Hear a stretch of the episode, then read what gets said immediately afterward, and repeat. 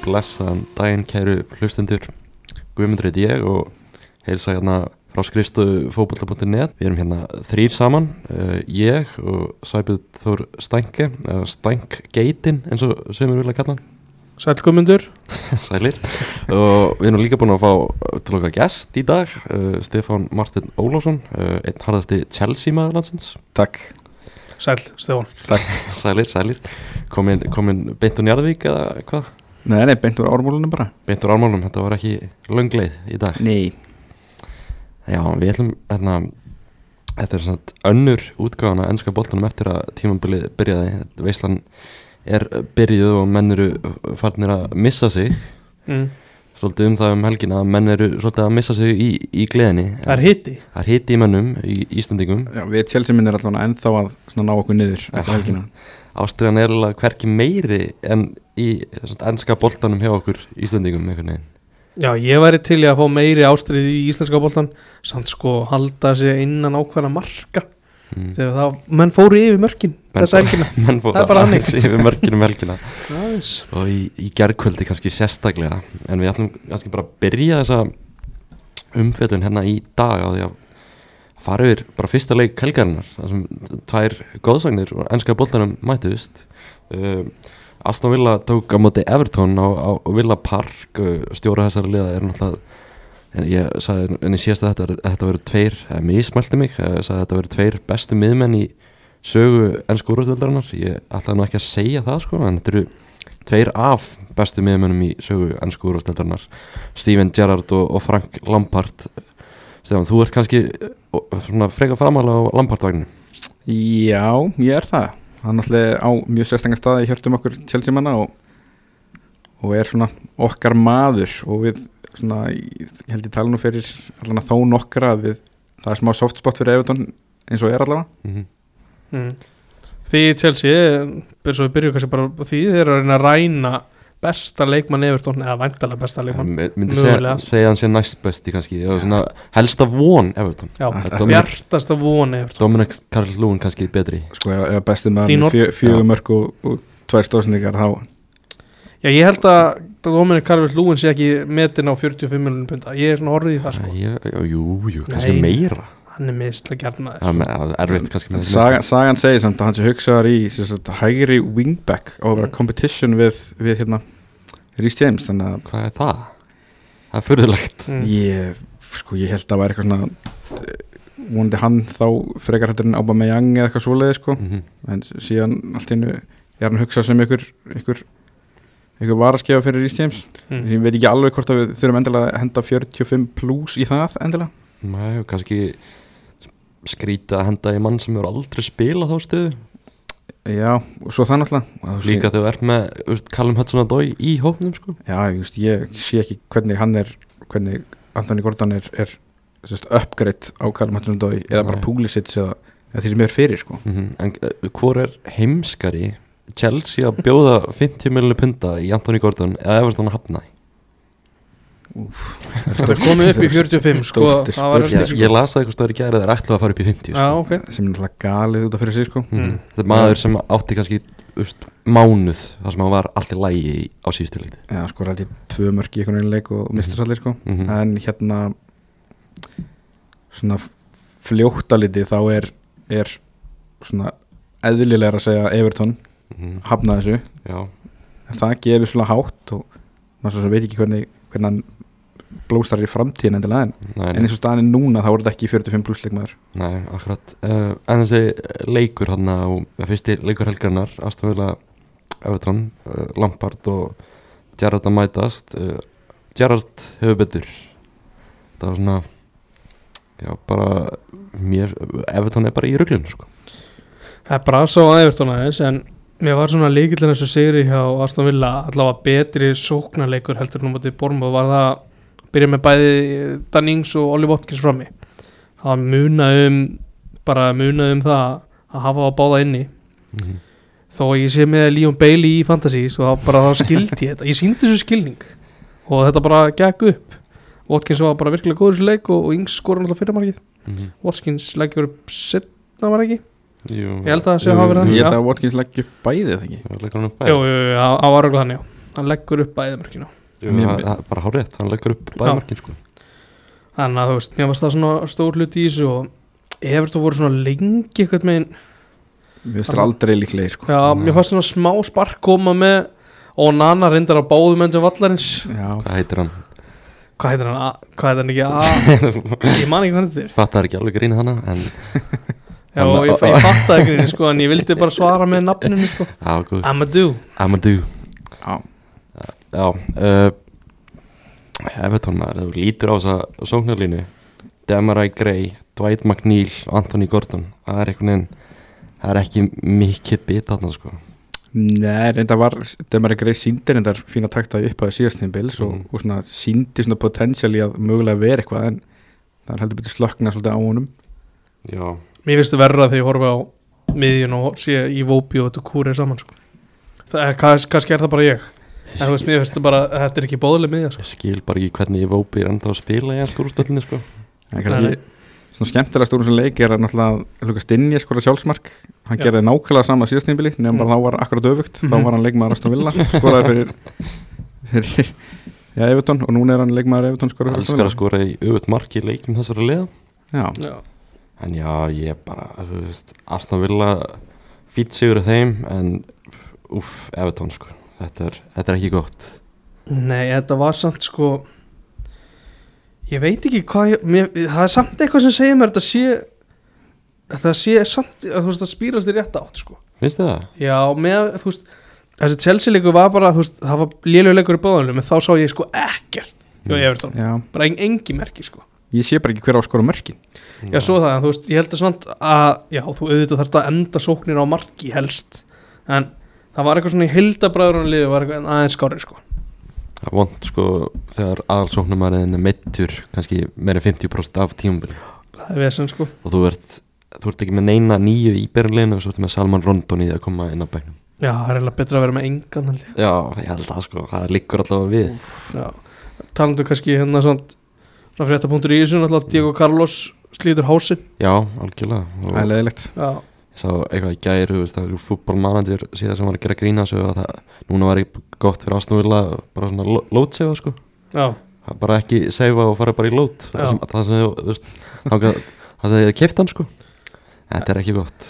einmitt þetta er ekki Já, hann fí- fyrsta tímubil að vantala bara farið svo gott sem er í vaskin Já, Gæti snúið tilbaka hvernig var sent á tímubilinu eða bara ekki sko það var þá ekki fyrir alveg í lokin Já, þeir eru 6-9 mánuðir er talað um sko samt leðilegt að hann verði þá allan ekki á HM Nei, það Hann er- var það er svona- ljóst hann var svona farin að gæla við það að vera í í hópnum Mhm. Já Aston Villa er með Esri Konsa sem er góður en þá þurfa það náttúrulega að treysta meira núna á, á Tyrone Mings sem er kannski ekki alltaf gott Hann kom inn í lið og þeir unnu hann að Já, hann sokkur á Mings Haters já en já, spurning hvernig þetta þróast hvort er sækin miðvörð áður en glukkin lokar Gæti verið Það getur verið, ég held að þeir séu bótið að skoða mm -hmm. um, Kannski svona loka punktur í þessu leik held ég að það verið ekkert mikið meira leðrið ykkur hotn með svona holgeitt hotnið frá því síðast ég rætti um að það hefði verið Raka Gísla sem hann baði um mynd hann bað um að með svona holgeitt myndi taka mynd af sér og vinnu sínum og holgeitt gerði það en það var ekki Raka Gísla samt. Það næstu bær við það var Regina Ósk þetta er bara mín vankunnáta í íslenskri tónlist ha, það er eins og það það er. er Anna R sko Ég var hvað að reyna að finna þessa mynd, ég fann hann ekki sko Nei, en tjekka á Regina Ósk ég Já. er ekki alveg viss samt sko, hvort Já. það sé á netinu sko en það er alltaf staðfest að það var hún Já, vonum að það sé allavega góð mynd sem hann tók hana á Það henni var pottitt frábær hann fyrir utan Gottsjó Þetta er Frábær mjög- staður. mjög fyndið. En kannski áður en við förum frá þessum leik hvor, þú veist, þetta er náttúrulega tveir iconic leikmenn það voru það Gerard og Lampard hvort er alltaf fyrir lengra sem stjóri Jú, sko, pæling sko, þeir eru báðir eiginlega nýbyrjaðar í þessu Mm. alltaf Gerard er búin að stráða sandi í augun á okkur með þessu reyndjurskiki Já, Mhm. hann Lampard tók Darby og gerði vel það sko geti verið með og rópinn að fara og að gefa skilaði, skilaði Chelsea náttúrulega í Gerði bara allt í mestaröldarsæti lægi með Chelsea þú Já, veist Já, alltaf var fyrsta bara ekki alveg tímabilsinu. nóg sko. Já, alltaf honum að þakka að við eigum Rhys James og Missa Mant og þess að gæja inn í dag Mhm. mm.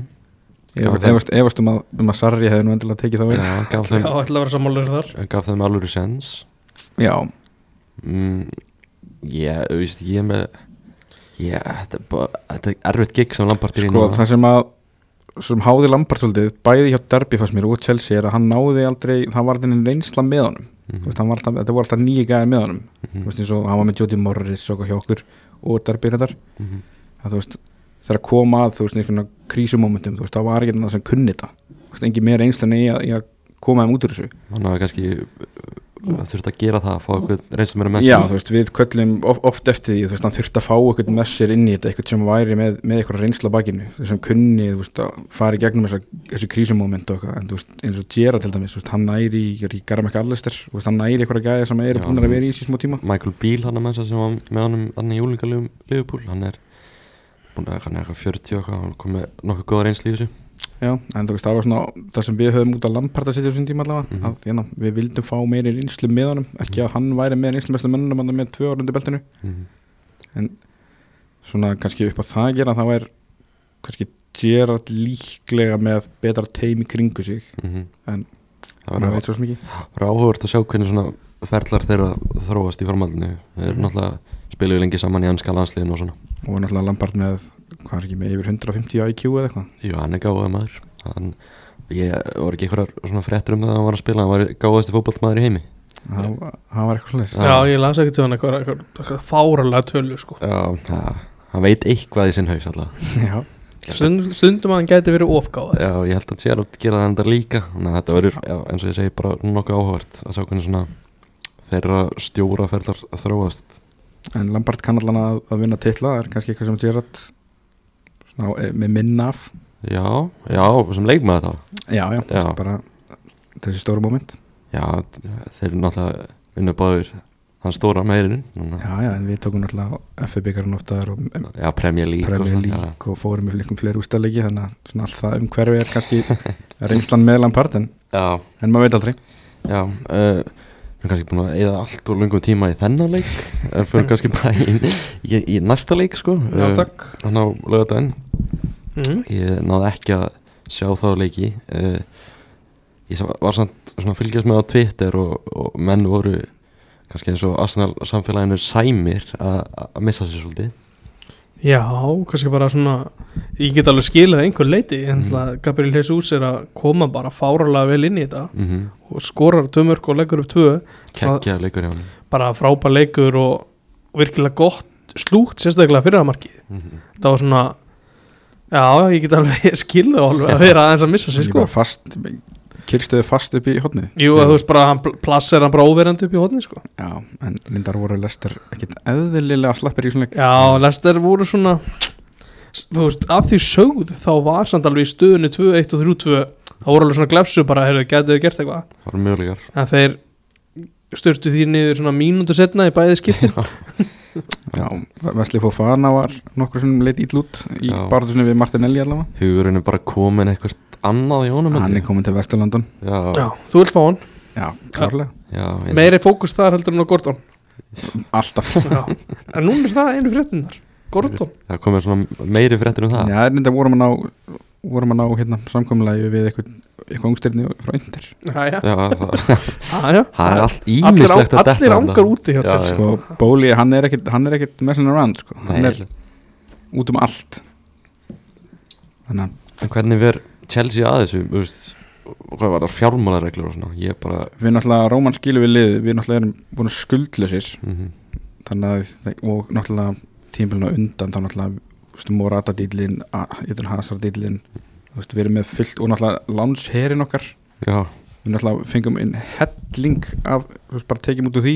mm þannig að þú veist, við eigum alveg, alveg heilan haug inni Mm Já, það er ímislega þannig Ég, ég talaði um það í síðasta þetta en ég var svolítið afbrýðsamur út af Fofana Ég held að hann sé ógislega góðu leikmaður og Ég held að hann hendi vel í þetta þryggja sandakerfi hjá, hjá Tuchel hann vist eitthvað sögur hvernig um að hann sé búin að leggja inn, inn transfer request í dag Já, hann var að tala um það í gergóti sko, hann væri ósattur með að Lester væri svona setja allt á hann vermið á sig þeir vilja hafa meira en þessar 80 miljonir punta sem Master United borgaði fyrir Harry Maguire ennum árið eins og fræktir Eh, já ég held á- eins og nefnir að fá fana veist, hugurinn hans er bara komin eitthvað annað sko Já, Mm. þannig að neðs ekkert Það eru fleiri leikmenn og Júri Tílemans var ekkert sérstakur í þessu leik heldur sko. James, James Madison Mattisson já, já, hann alltaf áraði við hvað ekki Newcastle Núkasúl er að reyna að kaupa hann Eh, þetta það er bara Tílamans Arsenal Mm. já, tínum að það bara eitt ár eftir líka þannig að þeir verða eiginlega þú veist, selja hann í sumar eða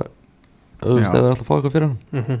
Það sem að ef við höldum áfram þessum með lestir þá það, þeir eru að fá sér markmann takk já, Þetta er ekki bóðlegt Þetta er ekki samfæra með Danny Ward Nei og þetta, Hvað þú var veist, það? það er Þri- engin samfæri með hann sko. annað þriðamarkið sem hann gefur bara þannig Þetta er bara, það er bara vond líka, þú veist, í sjálfsmarkir er lík Nei, það er náttúrulega ramstil Mhm. En hann var bara, Ford var samt, eitthvað, hann var skrítið bara í bara hild sinni fannst mér Fantasy spilar að vilja svona haldunum Jú, jú Rammanum. Já, þeir, þá fá þeir alltaf bara eitt stig já, já en þú veist, það, mér finnst þetta bara mjög skrítin sala Kasper Smækul Hann, ætla- hann vilja prófa eitthvað annað og Já. hár, hérna, launatjekki og alls konar sko. já, Mér finnst hann koma svo upp úr þurri já, já, já, bara Mm. gera það sko og nýs í Fraklandi mm. mjög skrítið sem Radcliffe og félagar já Mm. uh, en eins og þú segir þá þarf Lester bara að fá sér nýja markmann hann er ekki nægilega góður Nei, það drífi því, þeir tóku Alex Smithis inn já, Það er, ég veit ekki alveg hvað hver það er sko Nei, En hann er einhverjir markmenn lausir sem geta farið í? Mm, það er góð spurning sko yeah. ég, ég er ekki alveg viss. Við Geta lánað en kepa ke, já, kepa, það geta tekið hann Þú veist, ég er ekki hérna, þú Getum veist við ekki nota hann sem eitthvað svona make-weight ég, fyrir Það kúfana? var náttúrulega frábært, þú veist, kepa verið ángri stórkostlegt fyrir lestar það er ansi Ég stór, var að hugsa, þú veist, um Adrian eða Kelly eða, það er ansi stór launapakki samt fyrir Lester að taka kepa sko. Já, það er sannlega Ég- þetta líka er- var örglega hægt að gera þann svipað og gera með Kukureya þú veist, við Mm. náttúrulega lánaði manna Louis Colville já, lána bara kepa í staðin Já, já, það eitthvað svona, svona það er í svona liðilegri kannski það var áhugavert að sjá hvernig hann myndi standa sig í Lester Já, ég veit við erum búin að fara mikið í Chelsea í þessum leik, Já, já. en það er eins og pæling Var ekki eitthvað í vetur þar sem var að tala um að ætta takmarka fjölda leikmann sem áttu að fara út á láni Já, ég held sér búið takmarka niður í 6 held ég nema Já. það séu sérst, úlingar Ok, það er ekki, ekki takmarka þeim já, bara undir átján þá var það ég held sér undir 21 Já, eða ekki eða eitthvað. já, Chelsea Eða, þú veist, ekki þetta er eitthvað 900. svona homegrown dæmi Já, ok, Eh, skils mér já, já, ég, ég bara, ég er örugglega- það er mjög líklegt að það sé rétt Já, en uh, kannski tölum við aðeins um Arsenal sem vinnur hennar leik uh, 60 á tóknum Þetta er kannski svona leikur sem Arsenal hefði ekki endilega unnið kannski fyrir tveimur árum eða eitthvað Það er, Lesta kemur hann á minkamunin í 2-1 Það er eitthvað, þú veist, Það er svona smá spark með það er þeim, smá sko. spark sko það hefði verið vesnum minni fyrra mér held Já, ég Mm. það hefur örgulega verið með, með hann í vestinni fyrra Það er, þeir, þú veist, þeir botluðu þessu í fyrra sko Mm. Það er eitthvað svona, mann líður eins og það sé eitthvað svona Það er eitthvað svona sterkar í þessu hugafasslega séð það er Já, líka konum með kannski frammeira sem skora mörg það er, svona, Já. það er heldur, heldur stert St- stór pluss Þú veist, það er líka bara komið þó að hann gerir sjálfsmarki sem leik William Saliba, það er unit sko. Mhm. Þeir eru líka bara, þú veist, það eru allir árun, árun eldri Já. Martinelli, Saka, Öðegard mm Þetta telur allt bara algjörlega og ég veit það ekki sko, já, þeir eru mest náttúrulega 60 eftir tvo leiki en geta þeir blanda sér í einhverja baráttu Þú veist, það eru önnurlega Bara um titilin þá eða? já, Nei, nei, en þeir getur verið bara Þeir- um mistaröldina getum útilokað Já. það bara, Mm, Já, við- ég, ég er ekki alveg þó- tilbúin að útskrifa sérst, afskrifa það alveg mm en hérna Um titilin sem sagt Já, þú veist, um þeir náttúrulega með kannski tveil ekki búnir á 60 en þú veist, Já, það er góð já. byrjun það Já, er mjög góð byrjun ver- Verður ekki betri ef, ef byrjun við svona kannski kætum Arsenal menna aðeins að þá er Leopold strax byrjað að elta Já, jú, Leifbúlu byrjaði alltaf en þú veist, þetta er langt tíðanbil, það getur Já, já. margæst Jú, ef þeir, þú veist að þeir vinna rest þá vinnar það er nokkuð, það er góð byrjun nokkuð líklegt það er góð punktur uh, já, ég svona, þetta aðsendæmi, þetta er uh, áhört að sjá hvar, svona, hvernig þetta þróast þegar það, tí- það líður á tímubilja maður, sé, maður hefur séð lippir að svona áður meðal annars, þú veist, maður stofnaði þetta en tróð sem á rinni og svona en, já, eins og ég segi, langt tímubil og sem alltaf Þú veist, Evrópadeildin áttur að kikki inn Já, þeir og eru- ferðalögin og, algjörlega, þeir eru í þeim pakka núna voru ekki í þeim pakka í fyrra nei, þeir eru að spila á 50 dögum og þú veist, mögulega spila þú veist, í Kazakstan og Azerbaijan og Já. þú veist, það er lengst út í Evrópi sko. Mm. Mm, Þeir eru með, þú veist, þeir eru með meiri breytin að hafa verið aðeins, þú veist, þú veist, með tvo vinstri bakur og tvo hægri bakur, þú veist, þú með- þú ert með þú veist, með möguleik, þú getur verið að rúla svolítið á liðinu, mm -hmm. með betri svona heildarmynd á hópnum, þú veist, auðvitað eiga Arsenal menn að vera bjart síni, sko Mhm. en ég er svona aðeins að horfa, þegar ég segi þeir eru ekki séns á titlun, þá bara við ræðum, örgulega næsta leik bara þá, þú Já. veist, það er Mér liðið er sem er samt- að fara að vinna þetta, sko miðjan þeirra, hún er mjög brotett hún er mjög, og þú veist, þú bara hún er, hún, þeir eru þunnir þar, sko sko, ef þið missa bara Thomas Partey út þá er þetta strax komið í vesen sko. Saga, saga skorur í þessum leik sko Sjaka er að spila svolítið framar en hefur verið að spila þur Þú veist, Sjaka, hann á sína leiki líka Þú veist, hann skoraði, hvað ekki sleggja múti okkar mennum í fyrra, þú veist, Mm. þannig að hann það kemur svona eitt og eitt mark frá honum en það mun koma tímapunktur í, í vetur þar sem að hann mun missa hausinn mm. Mhm. rautt spjald og koma allir í vesend sko. það var bara spurning Hver er Veitu næstur- hvernig Spurðu skemmtilega það er það, sko. tæklað sko Já, hver er næstur inn? L- Já. Albert Sambi- Sambil og Konga eða Mohamed El Neni og líka bara, þú veist, um sjaka þú veist, að líka spurning bara hvernig það er tæklað þegar hann missir hausinn nær arteta að núlstillan bara fyrir næsta verkefni þegar hann á að koma inn sko að þetta verði ekki bara ekki ykkur bylgja af ykkur kjæftæði sko eins og þetta hefur verið Já, áður. svolítið. já, Já uh, Arsenal með 6 stig Annalið sem er með 6 stig eftir 2 leiki Haman City Það er kannski ekkert óvænt við það Nei, ekki, ekki, ekki mjög nei, svo sem ekki Nei, ég talaði með fyrst að þetta mér fa- fannst leiðilegt að horfa á Manchester City á móti vestam mm, Þú, þegar þegar, þú veist það var ekki að gerast í leiknum þú rakkaði bara svolítið niður Já, þú veist, skemmtana gildi bara ekki neitt Þetta á að snúast um það að- það sé gaman að horfa á þetta en þeir voru talsvert svona megi, þú veist, þeir sóttu meira mm móti borma þetta bara ver, verri vörn og verri anstæðingur mhm. Mm. held það, þú veist, og heimavelli og svona meðan þeir voru meira on it svona, kannski fyrir utan Holland Já, en hérna, þú veist, þeir, þetta var, það var alltaf annað að horfa á, ég horfði á fyrirháleikin hann og þú veist, það er alltaf annað að horfa á þetta heldur en á móti vestam, miklu skemmtilega Bormað slegnum niður á jörðina eftir góða byrjun já, heldur betur þeir náðu bara ekki að anda í Nei, byrjun leiks á móti sitt þú veist, þetta var bara törnandi, törnandi, törn bara af sóknum mm. hotspinnur endalust, þetta var bara úr, þetta gati ekki enda nema eitt veg mm eins, og, eins og við nefnir kannski þannig þá er, eru fantasíspilarar ekkert margi hverjir ekkert sérstaklega ánæður eftir helgina sem Hal Haaland skoraði ekki nei, hann laði samt upp Já, hann lagði þessu samt upp en ég, þú veist, ég var þarna á fylgisvellinum á meðan leikunum var og það voru held ég, ykkur þrýra, fjóri með mér inn í fjölmjölabóksinu og það allir verið öllum með bandið á Haaland sko. já, skiljanlega sko, að, það var í þessum leik bara, þú veist, á, hvað ekki, bara á tíundu mínútu eitthvað þegar fyrsta fæðan hans fótinn mm þar hann getur bara rendandi hliðar og hálfand með opið mark -hmm. ég er ekki frá því að Guardiola hafi tekið fótinn út af í hálfleik, út af hálfleik ég er ekki að grínast sko af því að þessi, skil- ég skil ekki alveg þessi skipt ekki honum í hálfleik að taka hann út af Mm -hmm. hann er komið Marko stóðsending og bara ekkert, ekkert út á hann að segja nema þetta þú veist. hann bara skaut þegar hann gætt lagt hann á Holland sko. fyrir opnu mark já, það er, bara, það er gjössalega galin ákvörð sko. Já, típiskur Gardiola að vera eitthvað að missa sig við þessu sko. nú er svo, þú veist, ég er náttúrulega ekki inn í hausnum á Guardiola en ég, þú veist, ég myndi skilja hann sko. Já, þú vilt fá af að Holland bara sjóðandi heita hann, sko. Mm. já, já, vilt fá mörk í hann Mhm. hvað átt það var eitthvað styrlu tölfræðan eitthvað, Vá, Á- ég- á- tvær Átta. sendingar eða eitthvað já, Nei, á- átt- á- átta átta snert- snertingar. átta átta snertingar og var ekki bara eitthvað tvær hefna sendingar eða eitthvað? Þetta var eitthvað, önnur er stórsendingar já, þú veist, þetta var eitthvað svona komst ekki alveg í takt þennan leik pælt ég átta snertingar ekki svipað á Lukaku í, hann var með 7 á móti Kristapalas Já. já Það var Lukaku framist það? Nei, Ég meina- kannski ekki að segja Já. Móti Crystal Palace, það kom hvernig- eitthvað út úr hans snertingar Já, sko. um, hvernig fór Chelsea Crystal Palace? uh, gott við, við- ég held að við um unnið hann leik Já, já, þú veist, þetta er 4-0 sigur Já, Hvað, 6, 8 snertingar já, ég held að Haaland sé líka bara nokkuð og Haaland og Gardiola og City-stundumenn sé bara nokkuð sátti með þessa byrjun hjá honum Já, ég klálega Tvö mörk í temilegjum og ég held að þau ég held að hann fari allavega upp fyrir 20 mörkin sko á þessu tímabili, 25 mörk pluss Líklur í það, sko mm -hmm.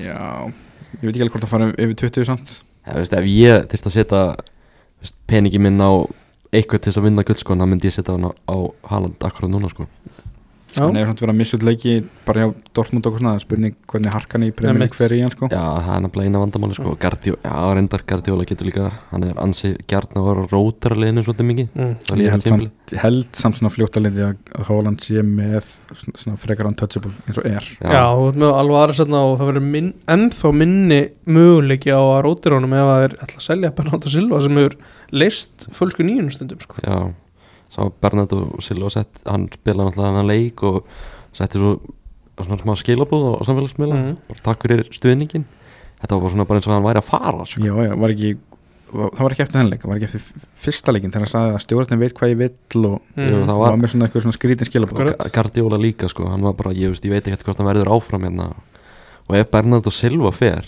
þá er þetta orðið strax svolítið bara vond fyrir City mm. Það var svolítið fund Já, og maður lítur bara á hann back þú veist, í þessum leik eru bara með eitthvað fjóra, fimm úlingstráka á backnum, sko, mm. svolítið skriði Já, Já. hvað vantaði Callum Phillips og var ekki, það var ekki mikið meira sem vantaði sko. Nei, þú veist, þeir eru með Liam Delap og einhver aðra fleiri á bekknum Þannig að Ég held að City þurfa að bæta Þeir eru náttúrulega búin að selja svolítið mikið í sumar sem ég finnst að fyrir skrítið Þeir verða eitthvað að bæta við þessi áður en klukkin lokar held ég. þeir gera það sennilega ef að Já, Bernardo fer örugglega. þá kau- taka þær einnig sko. Þeir eru Pottitt. Hún ætla að kaupa mann í morgun, Sergio Gómez, mættur, já, Mhm. Mr. Bug hinstir bakurinn, uh, Getur ekki sagt að hann kom bara, í, bara inn fyrir Sinchenko örgulega, hann getur líka leist miðina, hann hefur gert það, uh, það kemur örgulega, já eins og segir bara inn fyrir Sinchenko, Þú veist, byrjanlega er mjög stert að setja í, en það, þú veist, það líður á tímlega að spurning svona hvernig hópurinn verður, hvort hann sé snæðilega sterkur til að berast um alla titla. Í- já, Já, ég held að sé það já, Sko byrjunlegar er allan að sko feikilega nógu stert Já. Mm. allan Já. að síðan alltaf spurning alltaf ef ykkur dettur út, ef Holland dettur út Mhm. ef kemur til Brund dettur út, þetta eru Mhm. gæði Mm. sem hafa alveg verið að missa út leiki þetta er mjög góð punktur já, og þú veist náttúrulega náttúrulega vantaði í Laporte í dag jú, jú. Mhm. nei, hérna í þessum leik mhm, og síðan ef Bernardo Silva, nei Bernardo Silva ef hérna Bruno Díaz dettur út líka Mhm. mhm. þú veist, þá er þetta komið í alveg smá vesen sko. já, já, já, þú veist bara eða Cancelo eða Walker skilur, þetta er bara þú ert, hann er ekki með neina breytt í bakur hann sko. mhm. Þetta byr- Gómez jú, en hann er, þú veist, hann er ekki búin sína neitt hinga til skilur, Mhm. Þetta, þú veist, þetta bakverðir, hann- hann bara spila miðmennum að bakverðin er eiginlega bara komin á völlin sko. gefið að hann myndi setja John Stones þarna og já, já, hann finnir hann eitthvað gæti alveg, samt- hann gæti alveg bitað hann í Já, raskatið sko Guardiola finnir eitthvað út úr þessu en það, þú veist, þetta byrjar uh, vel fyrir þá sem spáðu sitt í titlinum sem eru flestir já, uh, hinn er þrý leikinu þannig klukkan 14.00 á lögadaginn Þú veist, er eitthvað sem þið sjáuð í þeim Uh, þannig að Wolves gerir markalist játtöflumandi fullam, það mýtur á slúra viti Mitrovic klúrar víti Já, ég veit um einhverja sem að voru með Mitros á bekknum á móti Leopold í Fantasí og sett hann inn núna já, ég var meina bæknum í Fantrax æ, Þetta er svona, Ég er svo ánæður að ég sé ekki að spila fantasy í ár Ég bara á- tók ákvörðun um það Ég er bara mjög ánæður með hana já Menn eru, menn eru að missa sig yfir þessu. sko. Ég hérna uh, Adama Tróari spilar já, hann kemur sem inn á að- Það hefur bara mjög fróðlegt að sjá hvernig svona framhaldið á honum verið sko Já, og hvort hann farið þá áður glöggin lógar Nei, ég finnst, mér finnst eiginlega ekkert benda til þess að sé að fara já, búið að orða með Chelsea já, ein- Já. ykkur tíma Búið að orða sem við var. Chelsea. Já, já, já, hann hann var var í vangbakurur í þessu vangbakvarstuði Tí, að tí, Típist er mannstöðan nættið Og Topp. þessu dætti ég að taka hann tóttina voru alltaf orðað við hann áður en áður í Jet Spence mm Já Ég held að Jún hefði gert, gert margt vitlu sem að taka Tróari sko. Æ, Svo svo að taka Ornandóvits eða eitthvað Já, en sáðu hann að leika, var hann flottur í þessum leik? Tróari, hann spilaði korter eða eitthvað Já. Ég tók, sá ekki neitt hann sko kom bara rétt inn á í Já. lókin Já. Bor, borið vel á hann og hendur hann inn á já, en þú veist 0-0 lítið um að vera Mjög þannig séð, lítið. nema, nema hérna, Wolves Petra Neto lít vel út Já, ok, jákvæmt Það er góðu leikmaður, finnst mér Mjög góðu leikmaður, hann getur hlálega að fara í starra félag Mm. já, Uh, fréttir af Wolfsam þeir að kaupa Mateus Núnes frá Sporting Lisbon fyrir 50 miljónir efra Er hann portugalskur eða? hann er portugal, Já. hann er Já. brasilískur hann er Portugali er hann portugali? hann er held ég 12. Portugalin sem kemur til þeirra núna Mm. Já, ég hafa búið að vera að orða þann mann við Ímis félugu sumar uh, Liverpool og Liverpool, Chelsea og Vestham mm. Vestham gerði tilbúið hann og hann vildi ekki fara þangað nei, hann ætl fara, veist, í menninguna í Wolves Já, í portugalsku það nýlandu eru hann svona kannski 1, 2, 3, 4 pluss sem geta kannski samkvæmt Já, hann já, já. já, það- hann hefur fengið nokkur góð símtöl Herri, hann er fættur, hann er fættur í Brasilíu hann spila með landsliði Portugals það er svo leiðis Jú, og Wolves er að er þetta ekki, þetta er félagsmett þegar þeim alveg pottið þeir hafa aldrei Jú, borgað svona mikið fyrir leikmann. Fabio Silva kostaði nú mikið á sinu tíma en ég man ekki hvað það var mikið Nei, ekki svona mikið held ég þannig að þeir binda miklar vonir fyrir þennan gæja að hann komið sterkur inn uh, þetta er hann að hann var þessi gæi hann Mm. var arftæki Bruno Fernandes ekki na, Pedro Gonçalves held ég Mm. mm. sporting, Ég man það ekki þetta þessi spila aðeins aftur á vellinum, hann er svona Já. átta fyrir grann tíja Mm. sko, held ég Já, já, það er komið tímið kannski til að hvaða með tinni og sé ekki bara lappa ekki inn í þetta lið sko já, það er Það kannski er bara hann eldast Já, ég held að hann, Rúben Neves og Matthäus Núnes verið skemmtilega saman á meðinni Já. uh, Brighton 0, Núkas 0 að tveir leiki sem þetta 0-0 hann klokkan 14 hérna á lögadaginn mm Brætum var bara betra lið í þessu leik það kemur ekkert óvart, Brighton er frábært fótballtalið Já, já. þeir eru nú líka United mm -hmm. En hérna, byrjum sér á því þá þá hérna þá var þetta ég veit ekki, þetta var frekar svona rólegt yfir þessu leik sko. Já, kemur kannski ekkert mikið á óvart Bæði liðið séu bara svona nokkurnu eins átt við þetta stig Mhm. kannski fara hverja bæði liðir kannski ekki með markaskorra mm, í liðinu sinu Já, já, svona Callum Wilson maður Það er, ég get allavega tekið undir það með Brighton sko, Já. eins og, eins og staðan er núna en ég veit ekki með Newcastle Já, þú veist, já, mitt Callum Wilson mittist hann í fyrra maður sá aldrei hvort að hann já, Sko, hann getur skora næði að mörk- líma einhverju 12 plus mörg saman sko. Já, hann getur alveg skora mörk í þessari del mm. uh, Spurning sko, hvort hann á að halda sér heil, heilum Já.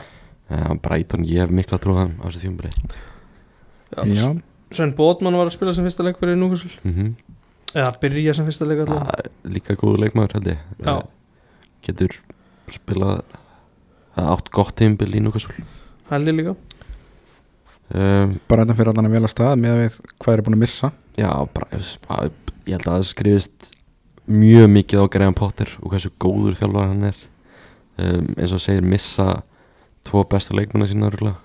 já, já, Eh, ég held að segja alveg já, kannski fyrir þetta, kannski Sanchez í markinu Já, fyrir utan Sanchez í markinu um, Biss missa Bissúma miðinni og þarna okkur eiga og Kukurea uh, já, bara se- segir rosalega mikið um hvað, hversu fær fótballþjólari Og er- Graham Potter er, er að missa Nilmún Pei líka er að missa já, já, hann er að fara sá grallari, hann er á leginu burtu voru á breytun um, og ekki hvað var það ekki, nótt Nottingham Forest þeir eru alltaf að kaupa allt sem þeir þetta er ótrúlegt sko þeir eru alltaf að vera með svona átján fram þetta er alltaf sannig, þú veist þetta, hva, hversu stóran leikmann hóp þarti ég, ég veit ekki, þú veist, að því þú ert að taka líka hérna er þeir ekki að taka eitthvað frá er þetta eitthvað Watford já, Emanuel Dennis Mm. með mitt já, kannski meira af því Já, já. eftir smá stund uh, já, Sáðantón já, kannski ekkert mikið meira að segja hann breytun nei, núka svo leik lítið, lítið viðbútt Sáðantón sýnir mikinn karakter og kemur tilbaka á móti Leeds eftir að hafa lent 2-0 undir já, mér fannst bara allt stefni í óefni þannig að hjá Sáðantón Já. ég var að, s- þú veist, þessi mörkur líka þetta er svona pínu klauðalegt Mhm, já, hann Bednarek lítur sérstaklega ítlu út í öðru þeirra mhm. þú veist, ég hefði reyður ekki kom, ná að koma með þessa endurkomi þá hefði ég, þú veist þá held ég allir hefði bara spáð þeim niður það lítur það ítl út, en þeir, það kom hann að andi og þeir Mm. voru svona líklar að liði síðasta síðustu tíu minn þegar hann að landi þessu bara náðast nú þessu við Já, sá þess að sendi hvað hann á Sekumara sem komur á Bordeaux Kalóka Mm. Pítes Það- Já, á Kyle Walker Peters, Mhm. það var rosalegt Það Já. var sítansnúningana og það var Þrettán í gegn. alvöru skurður hann sko. Geggjað, sko. þetta var rosalegt og bara, já, virkilega skemmtilegt að sjá þetta og Sáðantón þeir eru náttúrulega leggja mikið upp og að sækja unga leikmenn og svona og eru með fergar Jú. ungt lið og sterkt hjá þeim að sína svona karakter að koma tilbaka mjög svo já, gaman að líka Armstrong fór út og Armstrong kom inn á og kannski frettan, helstu frettur á þessum leik kannski Patrick Bamford fór mittur út af fyrir áleik já, Æ, en, snemma út af já en Jesse Mars talaði um að hérna, eftir leik að ef þetta væri byggarústaleikur eða eitthvað svona mikilværi leikur þá hafði hann líklega spilaði gegnum þetta þetta Já. var bara svona varunar ástæðanir já, þeir, Akkurat. þeir ekki að taka neinar áhættur með, með líkamann á, á þeim gaga eftir síðast tímpil nei, líklega ekki þeir getur ánæðis að það fá einmitt þetta framlega frá Rodrigo samt, Mm. tvö mörg svona að hann var keiftur held ég svona sem, sem svona só, alveg sóknamaður en droppaði niður á miðju og er núna þú veist að sína að hann getur skora mörg sem að, skoraði fyrir umfyrin líka ekki að jú, það er hann fyrst er um að byrja, byrja vel Mhm. Æja, strákar, það er komið að því Brentford 4, Manchester United Úf, 0 já, hvað fannst þér þetta stafan? þetta er bara ég heldur sé svona Mm. þetta var bara galið bara mark eftir mark eftir mark og sem að, þegar maður held að geta verið verra og held ok, Sancho er hann í hann tjendur Sancho er í vítategnum er svona að reyna að komast í skotið bara ok, kannski eitthvað smá lífi í þessu þá var bara kert fram að sendi fjörða Mm -hmm. Já, áf og game over Hvernig finnst þér svona sem hlutlaus aðdæðandi að að bara að hlutlaus aðdæðandi ennska boltnans að vera að fylgjast með þessum leik Þetta er gaman, eða? sko, ég, ef ég var að segja bara alveg hreinskilið, ég held að þetta er mjög gaman Mm. en ég er alveg farin að bara vorkina þeim sko. Ég held að séu, að er, maður er búin að heyra þetta alveg nokkur en menn eru bara farin að vorkenna Manchester United Þetta er, þetta er ekkert eðlilega lélegt sko Og þetta er sko, jésús hvað þetta er lélegt hjá þeim mm og, og veist, ég sem Manchester United stundum maður þá einhverjir alltaf ég held með Liverpool sko það var rosa einskallega einhvern veginn að segja það um mig núna ég held með Liverpool út af Mm. fréttum sem ég er að skrifa uh, en ég er, ég er mannstofnættistinn maður og þú veist, ég horfði ekki að hana leik ég á hvað gera annað en að horfa á hana leik Mm. þú veist, ég þú veist, ég fór, ég fór engaðin bjart sinn inn í þetta og þú veist, ég sá, ég opnaði fútmop sko og opnaði fútmop eftir tímindur þá var Brentford akkurat að skora þá kom mér ekkert á vort ég bara, ok já, En sko- skil þetta David ekki að leit ekkit eðlilega illa út hann já, Þetta var bara reynasta hörmung mm Svo að það þarf ekki að skafa neitt að þessu já Þú veist við þökkum fyrir hérna vorkunum og allt það En þessi gæjar ángríns Tífull er það Það er svo mikið að þarna Já Þannig er yngri átt Ég held að þeir vorkin sjálfur sér svo mikið mm -hmm, Sem er mjög mikið vandamál Já, Þeir eru að spila fyrir United sko mm -hmm. sko gott ef það var ekki Kristján Eriksson sem var bara ljósusti punkturinn hann Jú, jú, sem var baulað á náttúrulega allan leikin og Já, já. kannski held honum á tánum líka allan leikin Mm. bara með þessu bauli sko Mm -hmm. eða bara uff, að horfa upp á þetta drastl inn á sko Um leiður fá bara á sig á sig fyrsta markið þá er þið bara donn sko þá er það bara búið Mér fannst nú, þetta batnaði nú Já, náttúrulega Brent var kannski steika aðeins að bensíkjöfinu í síðara leik en Mhm. svona, þú veist, með innkomu Rafael Varan, þá fannst mér nú batnarundi það fór svona Já, hann var alltaf að koma fleiri boltum í burtu það er gott kannski að þið mæti aðeins til leiks þeir eru landið fjöðunur undir á mandið Brentford Já, líka hver hefði haldið það að markvaldi mestadöldar að séu verið myndi bæta leikliðsins Já það er ótrúlegt Vá Shit komur óvart maður Getur kannski aðeins hann rættum Lisandro Martínez Já, hann vantaði nokkar sentimetrar þarna í þriðja markinu hjá Möndubelli. Já, eh, hann sagði það líka hérna þjálfarinn Thomas Frank að þeir voru alveg meðvitaður um það að vinstri hlið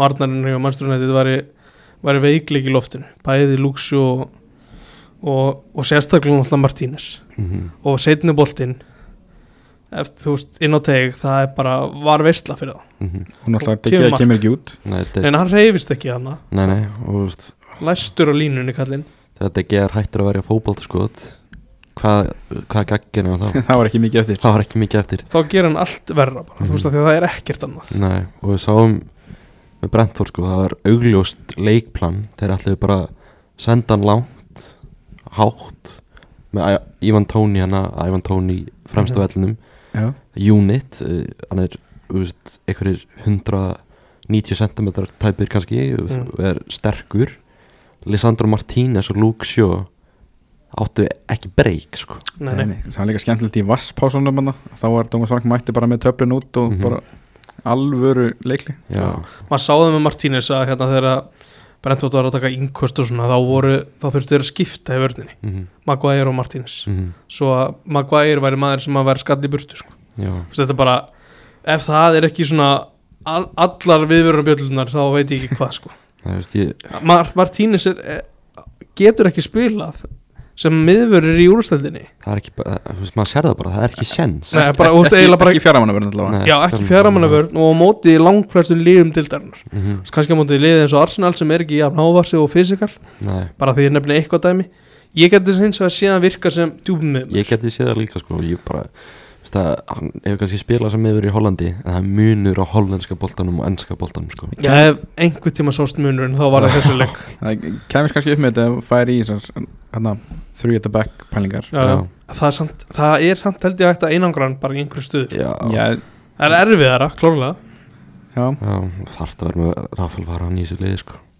Það er ekki annað hægt eh, þú veist, menn, maður, Það er bara svo augljúst líka að önnur lið er að fara að targeta þetta Já, já, og líka, Já, þú veist, eins og bara með Rafael Varan það er, það er ekki heppni að hann sem er alltaf til að bakinu sko. Mhm, Nei, Nei, nei, nei, nei engan veginn. ágætis kunnátt að ég að verjast mhm, En að því sögðu, Martínez leiti ítl út En þetta er búið spil hjá Luxjó í vinstrbakkanum, þetta er bara búið Þú vilt fá Taril Malasia Af hverju Ég vil ekki fá hann, Ekki, ég vildi fá einhvern allt annan Já, viltu ekki sjá hann? Nei, nei, ég hefur ekkert lítist á hann í Þú veist, hann alltaf kom bara í örfá mínútur í fyrsta leik Já, Og svo þessi framist að Ég, þú veist, ég, þú veist, jú, jú, hann á alveg að fá breyki skilur Það er Mhm. ekki maðurinn sem ég finn á mér að sé rétti maðurinn í þessu stöðu sko nei eh, En sjó upp, gjössalega hann er bara búið búinn spil já, hann er búinn sko, maður held sko eftir, hann er kringum EM Já, að hann væri bara þú veist, besti vinstabakur í heimir hann átti hann einmitt í raun bara það sem að menn voru að tala um hann og Robertson í þessum sendingum og eitthvað Breiðum honum græn já, þeir væ- voru mjög græn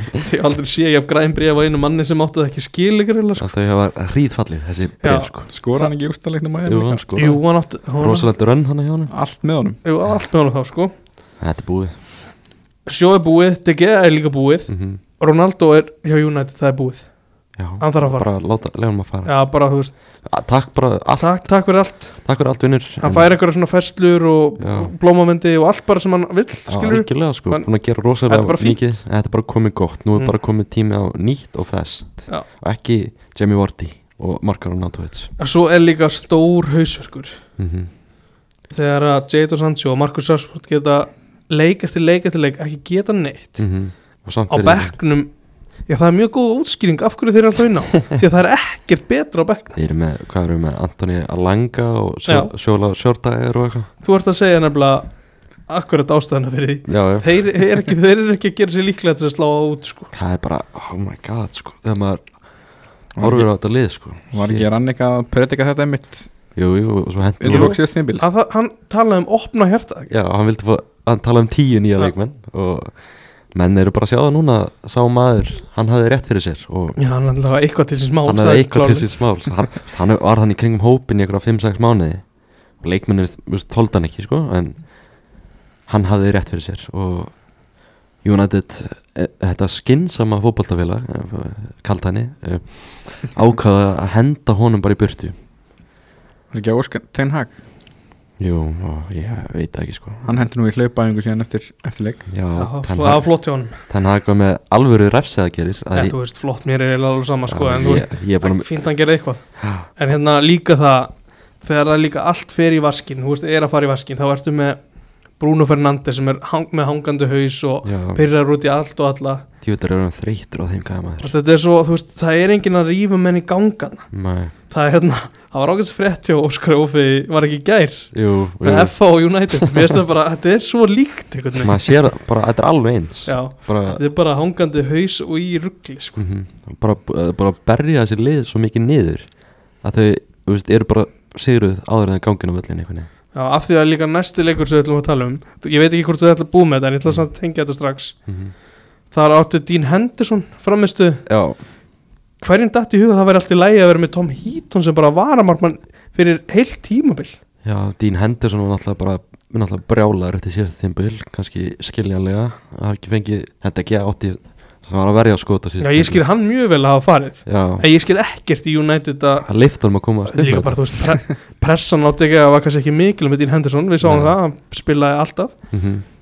Tom Heaton er ekki náttúrulega bara að slá einn mann út- neinn út sko Já, það var ámaður uh, Já, hvað, hvað markmann væri þú til í að, þú veist, ef Dín Henderson kemur ekki aftur en svo, þú veist, hann er brjálaður að hafa ekki fengið takið ára síðustu Hann er ekki líka á láni með Opsund og bæ Jú. Ég held að það sé ekki með option to buy Já, þú samt. veist, það var alltaf að tala um 20 miljónum punda en það Já. er örugglega ekki sko Ég held að, ég held að hann sé bara það ósáttur og hann vilja ekkert spila aftur fyrir United en ég veit það samt ekki, það kannski gerist Já, það. hann fær aldrei að spila fyrir United eftir það sem hann sagði sko. Nei, ég veit það Ég ekki ætla rétt að vona ekki En hérna, ég vil fá uh, annarkot spánverðin Já, ég er David mjög, Ræja eða Sanchez ég er mjög hrifin að Robert Sanchez og Brighton, ég held að það sé markmann sem aðstæðan þetta þarf sko. Já, klálega bara úst, David Raya líka mjög góður Reyndar eru með spánverðin núna Þeir, þeir eru allavega Þeir geta varið ennþá mm Og þeir Já, góðir geta í- sendt góður boltan í líka fótunum geta Já. smá presens Akkurat já þetta United dæmi þetta er bara þú veist, á, eins og þú segir Ten Hag hann let menn hlaupa þú veist, United það var svona tölfræði úr sem leik Jú, 13 koma eitthvað kilometri já, menn voru ekki það var ekki nóg með að menn voru drullu lélir menn voru bara drullu sama líka Mm. og voru ekkert að hlaupa það er bara eh, raun ófyrirgjanlegt með hvað þessum menn eru að fá borga mikið á hverju Mm. viku sko en þeir sem sagt hlupu hvað samanlagt 13,8 km minna en Brentford gerði í þessum leik Já, Það er Og- eiginlega bara heilum leikmanni minna já, það er Rúmlega sko. ótrúlegt sko, ótrúlegt tölfræði Já. og Ten Hag mæti sem þetta á æ- hann sem þetta beinti þetta leik og sagði hann já þetta var rubbish og mennum, mennum drötu sama og hann brjálaður og hann sem þetta ákveð strax að aflýsa frídeginum sem átti að vera í gær og let menn hlaupa í þe- að let hvern og einn leikmann hlaupa í 13,8 km í 30 stið hitta mm. Vel gert eins og ég segi bara vel gert að, þú veist, að það, þú veist, það er ekki nóg sko en þú veist, það er allavega eitthvað þú Já. ert allavega, þú láta menn taka eins ábyrða á þessu sko. En þegar ég þá allan að Tony Marshall inni já, já, Mm. þú veist, það er okkar von Já, það er sá, eina von sá maður er að fara að springa út loksins Bara ekki á tíson en, en svona Stefan eh, sem mannstur United aðdandi hvað svona, þarf að gerast til þess að United verði að gamla United sem það var einu sinni hvað heldur að þurfi að gerast Það er bara Hvar á að byrja sko já, Miðjan, það þarf að þjætta miðjuna mhm, Bara betri miðju Þarf að fá Ég raunin bara allt það er bara þú veist, það reyns út þennan leikmann hann er bara, það er eitthvað Já. rótið hann Það virðist verið allavega Já. og ykkur vilja kenna gleysir sem þetta en það er náttúrulega líka bara annað mál sko, Glazer er náttúrulega búin að taka ég er eitthvað að lesa í morgun, þeir eru búin að taka 1 miljard punda út af félaginu síðan Mhm. mm. tók við eignaldi Old Trafford, æfingasvæði þetta er alltaf þú veist, hreinja og að, þetta er bara félagið er á ógeðslega vondum stað bara innan sem utan að þar Gleisir eru, þeir eru flottir viðskiptamenn sko, þeir Já, kunna góðir- þetta alveg þeir eru góði kunna viðskiptar alveg að græða á félaginu og svona þeir eru ekki að hugsa um neitt annað sko Nei, nei, og af hverju, þú veist af hverju ekki einhvern veginn, Mm. ég er svona, ég, þú veist, ég get alveg skilið skilið eitthvað svona, þú veist, bara að þú ert, þú ert bara að hugsa um gróðan, mm en það er svona það er, það er óþólandi að þeir geti samt bara verið í bandaríkjunum, heima á sér og þau þurfi ekki eins og að segja hvað planið er eða neitt Nei, ég sá í morgun líka Joel, Joel Glazer sem er í þessari fjölskyldu hann vill ekki selja Ronaldo að hann er markasvara Já, hann er ekki, Ten Hag er tilbúin að losa sig við hann og þú veist, Ten Hag vinnur með honum á hverjum degi og sér hvernig þú veist, hann er að hegða sér og hvernig hann hendur hans leikstíl og annað hann, vill, hann er tilbúin að leiða um að fara til þess að fá eitthvað annað inn En græður ekki miklu meira að því að vera með vinningsliða og vinna Í- titla og Ég myndi halda það en þú veist, United er bara kannski svo stórt brand að það kannski skiptir ekkit þetta ennþá, máli. þú veist, bara er ennþá bara rísa stórbrann en á Mm. einhverjum tíumpóti þá náttúrulega Já, dofnar það, Já, þetta opnar það sko en, já, þá ertu með liðið í skýtnum en eins og staðan núna þá fá þeir bara sinn pening, taka sinn pening út í félaginu og þeir eru bránað með það held ég það virðist þarna Ég held þessi mitt hæstan, það er með það Já, en þú veist, þetta er bara alls konar vandamál og en, já, bara eins og Ralf Rannik sagði, þeir hefðu kannski betur hlustað á hann þá þarf að opna hjartaaðgerð til þess að leysa þetta vandamál Já, hann sagði það og tíu leikmenn og tíu leikmennin, já, Hvað er komin margir? Þrýr? þrýr og tveir úr hvað hollensku deildin og eitt Já. Kristjan Eriksen á frálsins sölu Já, já, svona er þetta Það er talað sér meira en þetta og þetta er allt, já bara rótið og umulagt hjá United held ég Já, svo hvernig Ég veit ekki, DG er líka býðstilar komið í viðtal beintið til leik og Mm. afsaka sig mm Þú veist, þú veist, afsaka sig og allt það skilur bara tekur þetta tap á sig Ég hérna Ég veit eiginlega ekki alveg hvað mér finnst um það því að, mm. þú veist gat, gat hann ekki bara sagt þetta hérna þú segðu bara í viðtalinu að þú veist, að ég tek þetta á mig og hvað Já, af hverju ert þú að koma hann og þú veist, afsaka þig og þú veist, já, ég- þú fær bara að spila næsta leik hann er líka. bara eitthvað að reyna að laga ímynd sína Já, sko. hann- hann- Þetta er bara PR múf þetta er svolítið svona að hugsa um sjálfa sig mikið sko. Já, já En þú veist, United er núna búið að spila mútið Brighton og Brentford tapa báðum leikjum Hvar eiga sigurarnir að koma?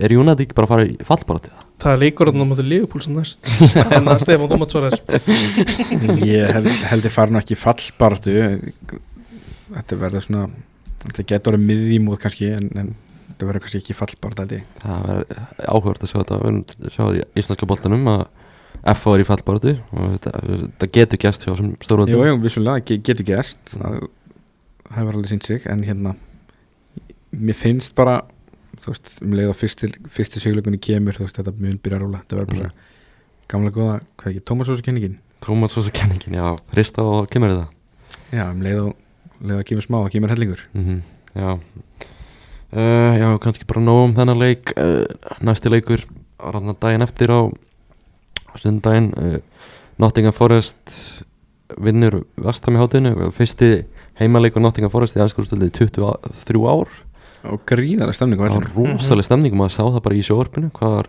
fólki fann skemmtilegt að mænda völlin og stiðjaði bækið á sínu lið Mm. Mhm. fullt af hverju gamlu legendum að mæta og -hmm. það var bara ógeðslega gaman að sjá þetta Nottingham Forest gerir svo lítið fyrir og, og vinnum vestam bara, Já. það er í raun ólíkindum hvernig þeir fóru að því sko. Þeir voru, voru hann miklu betri í fyrirleik sko. Já, þegar maður hans er góður í fyriráleik og vestam náttúrulega skorað þannig mark áður en Forest kemst yfir Jú, sem er Sætt dæ- Benrama já, sem er dæmt af Mikkel Antonio held að hann var að spila eitthvað aðra íþrótt held ég Já, hann bara hljóp á hann Já, þetta, var- þetta var eins og NFL Svo- bara eins og hann væri ekki hann sko. Já, og klárt, klárt brot held ég sko Já Verður mér ekki að vona það Já, jú, og svo skorar Ty, ég kann ekki að bera nafni fram sko Taivo Að ég mér Avoni eh, Eitthvað Avo- Avoni svo leis Já, segja það bara Fyrir um leikmaður líf Leikmaður Liverpool og Já. Union Berlin hann skoraði hann eitthvað svona mesta hefnismark sem ég sé Já, mis- var þetta ekki misefna skot frá Lingard Jú, hann sem hitti- fer af var, varnamenni og beint í fætunar á hann Já, hann hitti boltan ekki nægilega vel og svo í setna álegin þá fær vestam færi eftir færi til þess að jafna eða tvö sláar sko held ég beintur aukaspinnu um, Já, Dekla Ræsklúra vítaspinnu þetta var ömulegt viti skelvilegt Já. víti þetta, að hann alltaf, ég, svona, ég horfði á þetta hann alltaf bara breytast í Mark Noble hann og hann bara Veistu, Er þetta eitthvað, í ke- er þetta eitthvað svona lögumál eða þú ert með fyrirleifan þá verður að taka viti ja, fyrirlefandi í vestam sko það, Já, og ert miðumæður en að, þetta var engin Mark Noble vítaspinna þetta var umurlegt víti Mér finnst það útrúlegt okkur er ekki bara okkur hérna bara Ben Rama eða Michael Antonio eða einhver annar Mm. tók ekki vitið Já, Nottingham Forest vinnur hennar leik 1-0 eins og ég segi hérna og Dean Henderson eins og þú nefnir mm. geggjaður í þessum leik Frábæra leik En ofan á það var hvað Björg á línu Já, Og þrjú Þrísir sem skoti í slá eða stöng já og það var einu þarna, það er bolt, einu sinni þegar boltin var í slána þá bass boltin aftur út í tegin Mm. og held að Susek hafi skallað hann og þetta Henderson bara geð fljótur að bregðast við og, og varði Akkurat hann átti virkilega góðan leik mm -hmm. En hann var nú einu sinni hjálpað líka Þegar að vítið var einmitt dæmt Mm -hmm. Já, Átti það ekki að vera raukt eða? ég, ég fannst það líkt að því sko ég, maður hefur nú séð raut fyrir minna Mhm. Já Já, náttúrulega bara skopp maður kenna ver boltan hann með höndinni en svo Dino eins og sumir kalla hann, hann bara ver umurlega vítaspinnu Dagnar Ræs Mm. kannski svona stæsti fréttapunkturinn úr þessum leik eh, Jesse Lingard eh, mætir hann að sínu gamla félagi sem hann alltaf það er svona sterkar sögursöndur um að hann alltaf að fara þangað í sumar um, Mm. hann, hann valdi cashið Haldi cash plus og einsórsamning og, og eins og samning Það verður að taka það alltaf fram að því að ég held að það sé alveg klálega taktílst hjá honum sko. mm fá, fá kannski reyna að s- sanna sig í ár og fá Mhm. stærri samningur Já, á en- næsta ári eða, eða bara ekki fara með þeim niður eða eitthvað Já, og, og Vestam sagt, bauði honum ekki nægilega mikið penning og stuðnismenn félagsins þeir voru ekki sátti með hann á leiknum og hvað henda fake penningum í hann Nú, og ofin hjálp baulið og og Já. hann allt beilið og allt sko Ég held að honum geti nú ekki verið meira saman sko hann fyrir bara að dansa á TikTok og letur Já, það verður glæði topp top málum í dag Já, hann hefur verið ánægð með hann að síður hann laði upp sögumarkið allavega hann lagði upp- lagði upp svo- svo stóðsendingin Já. Já, hann varð að vera þarna til þess að boltinn færi á Avoni mm. hvernig svona tímabil eru að veist, þetta Nottingham Forest Forest dæmi er bara eila gali sko. Já, þær eru að svolítið að versla allt sem reyfist hvað er þið búin að kaupa marga leik Þeir voru komni með 15, ég held þeir sé að verða 17 eða 18 skilur Þetta er bara leikmannhópur og það er enda tvær vikur eftir að glukkanum sko. Já. já, já, það var þetta að bætast í og, og, og, og svo í tölum um síst, er, þetta er ekki þetta er ekki risa stór kaup þeir eru ekki að borga mikið fyrir þessa leikmenn en þeir eru að hrúa þeim inn mm -hmm. það er ekki margir í byrjunleginu sem að voru, Nei, voru liðin sem fór upp Voru þetta ekki, voru þetta ekki 8, 9 átta eða nýju leikmenn sem eru komni núna nýju sem byrjuðu fyrir Nottingham Forest Já, mótið ég- vestam og þar að voru tveir sem voru í þessu höttursvillið sem er já, unnu Já, akkurat, já, þannig að Lewis O'Brien hann átti Mhm. rosalega leik mótið vestam Worrell líka, Joe Já. Worrell, hann var í liðinni fyrra Harry Toffolo kom Toffalo Já, hann að Worrell er fyrirliðin hérna, held ég Mm. Já, en þetta fórhastlega áhvert að sjá hvernig svona Steve Cooper nær að blanda þessu saman en þetta er ekki auðvelt að fá svona marga nýja leikmenn inn Nei, nei, alls ekki og bara virkilega vel gert að vera strax komin með fyrsta sigur en ég held að það telji, Já, telji mikið sko, já og gefið um svona sjálfstöðust fyrir framaldið og, og svoleiðis algjörlega Já, en svo Stefán, við- leikurinn sem við erum svona komni með því til þess að ræða þess um sko já, stórleikur helgarinnar Chelsea Tottenham á, á Stamford Bridge kannski bara hann að byrja það Chelsea mér fannst þeir- það komur svo þetta óvart sérstaklega eftir hann að fyrsta leika mot Everton þar sem ég fannst þeir ekki sérstakir hversu góðir þeir voru í fyrrálu já, þeir voru ógeðslega góða bara í leiknum Mhm. öllum leik Já, bara í öllum leiknum Fyrir áleikunum, kannski bara sérstaklega hversu svona mikla yfirbröðu við vorum með Já, við náttúrulega byrjum að fær, færðum Rís James niður í hafsandalína til henni mattsa þá voru henni bara þessa hraðana Kulisevski og Hunmin Song mm -hmm. og Rúblóftus Tík fór í vingbekkin hann hefur spilað vel í vingbekkinum hann spilaði á móti í Real Madrid leiknum sem dæmi Þú veist, hann hann hefur leist á stöðu virkilega vel og tökkar hann að miðjina og er það er svona verjumst í þessu 3-4-3 en sækjum í þessu 4-2-2-2 Já, ég sá aðna Michael Cox á The Athletic hann svona benti á það að Mason Mount út af þessu leikjöru sem tóttunum byggði upp á Mason Mount hefur verið svona í svolítið svona frálsir rullu, komið svolítið niður að sækja boltan og svona og það hefði hjálpað sér sér mikið í uppspili og öðru í, í leiknum Já, samt á móti kemur að þá var hann svolítið ósynlegur þarna þegar Mm. komað Mhm. síðasta þriðjungnum Mhm, sem er svolítið kvimleitt fyrir okkur tjelsimenn mhm, þegar við viljum alltaf sjá gullkalvin okkar mhm.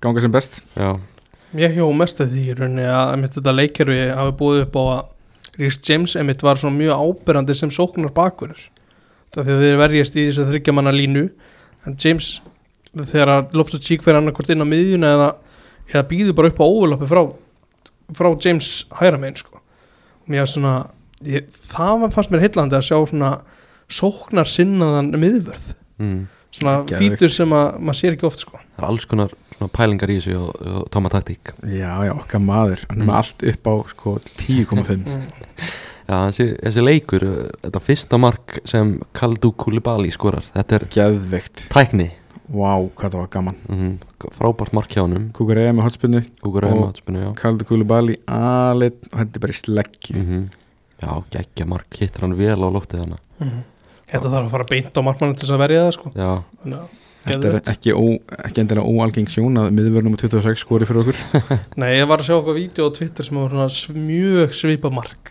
mm, frá einum John Terry mm. og al, þú veist, alveg leið til þess að þú veist, sem bara annánsa sjálfan sig á Stamford Bridge Geggjað og svo þarna hvað jafnar tóttina metin Já, það er hérna Pyramil Kauberg Já, það var, menn voru svona nýsklaði með þetta á, á hliðalínni Já, mér ætla brot, sko, broti á Havert þarna í, í andra, eða ekki endilega andra andra, það er bara hvað, 40 sekundur setna sem ég skora síðan, Já, það er kannski svolítið langur tími ég sann nefnilega að voru að tala um það sko að var hefði ekki geta skoða þetta, breytt þessu að þetta var þannig sé orðið svona nýtt en að móti kemur þá er Richarlison í rangstöðinni og hann Mm. er í sjónlínunni hjá Edvard Mendy Mhm, og þegar það er sérst skoða ef maður skoða bara endurhingna á sig þá sér maður að Mendy er að beigja sér frá honum til henn að sjá þannig mhm, að hann er klárlega, hefur áhrifana en þú veist, kannski verið að meti þannig að hann sé það langt frá honum mhm. Já, að, Mm. þetta er kannski bara svona svolítið matsatriði þetta, þetta jöfna markið tóttnum hvort það sé rángstæði ekki ég er bara, ég veit það ekki sko og síðan alltaf fór konti og fagnaði bóðvagnir á Chelsea Já, það var, það var ekki eins allt þess að fýra upp í þessu Já, um að gera Chelsea kemur svo aftur yfir að Rhys Rhys James sem skorar Já, voru nálægt í stutt, stutt áður þegar hérna Rí- einmitt Rís James á fyrirgjöf á Kai Havertz Já, Sem það, er, að- það er eiginlega ótrúlegt að Að- Havertz hafi ekki skorað Já. Ég hugsaði, er Werner komin bara inn hann fyrir Havertz hann var að vellinum Já, verður. Var hann á hann á vellinum. vellinum? Já, já, mættur að stiða sína menn já, já. mættur hann en það var ótrúlegt að hann hafi ekki náð því að minnstakost á markið Man, mann hefði liðið betur en hann var þetta Já. þetta, var, En það rættu verið það eins eftir að hann skoraði þessu þetta summera svolítið upp bara er henni vandamál okkur til sem hann fremst Mhm. mm veist, þetta er það sem við erum að díla við hann fremst Mhm. það höfum við verið að díla við síðust tvö tíðanbíl Mhm. Það menn sé ekki að klára þessi Þú veist, færi. við erum að koma, þú veist, það er geggja að krossar að koma frá Rhys James og þú veist, Mm. það er alveg svona, þú veist, með svona manti líka komið alls konar stungusendingar og, og svona, en það hefur alltaf verið eins og ykkur Lukaku eða ykkur sem hefur bara ekki hitt á markið Já. en þú veist, maður sér lítið af svona einhverjum sögum um Chelsea nefnum bara á Bamiang núna Já, það verið stöðra svona eins og þegar mitt telegraf kom, sagði í dag in, incoming, mm. þú veist, á tilbúð vantilega, Mm. Það er bara Ronaldo og Aubameyang sem- Já, Já, Það bara- og Sk- Sky Sports kom reynda líka í dag, það var allt líka Madrid eða, eða Chelsea sem var já, interested í Akkurat. Ronaldo já, Todd- Todd Bowley, hann rýfur í gikkin á pa- hann að Transa Delandi og tegur Ronaldo ég, Ætlar að setja Ronaldo í byrjunlega á Chelsea já, ef hann kemur Já, já Ertu- ertu- Leifir þú honum að ertu- svara ertu- Ertu ekki orðin- Guðmundur. ertu ekki orðið þreytur á Havert eða? Nei, nei, Þreytt. Havert Havert er Havert er hann er með heldur langt líf eftir þetta Champions League mark sko, Mhm. en, en hann er samt að average sko sex mörki deild síðust Mhm. tvö tímabil Það er ekki mikill stöðuleiki þannig að líka Mm. bara á al, alls frammistöðu. ekki sko og hérna eins og segi, þú veist, hann er að average þarna sex mörka tímabili þú veist, framri á Chelsea, það þarf að vera meira Mhm, sérstaklega eftir að gera eitthvað gildan um einhverja titla mm. mhm, þá þurfum við framlega þarna fremst mhm. Þú veist, við getum ekki treyst á það að við séum að fara að fá sko 20 pluss markaskora hvert einast tíðanbíl Mhm, eins og við vorum í fyrra mhm. En hvort myndið þú taka frekar Aubameyang eða Ronaldo? sko ef við erum að hugsa bara um, um, um þetta sem ykkur skyndilegust bara hugsanlega eitt ár eða eitthvað Þú veist, ég taki alltaf Ronaldo eitt ár Mhm, bara þú veist, það ég held að myndi gera bara helling fyrir menni eins og bara þú veist, Armanda Brókjær til dæmis Já. Þú veist, bara að læra af honum og, og bara þú veist mhm, ég held að myndi gera meira fyrir okkur og ykkur tala kannski um að hann sé kannski erfiður í klef og eitthvað svona, en kannski munurinn á Chelsea í dag og United er að vera með svo miklu sterkari karaktera í okkar leikmannhóp, mhm. þú veist við erum með, og meðan Ronaldo er með ykkur að stæla eða eitthvað, þú veist Harry Maguire er ekki að fara að gera neitt í því sko Nei.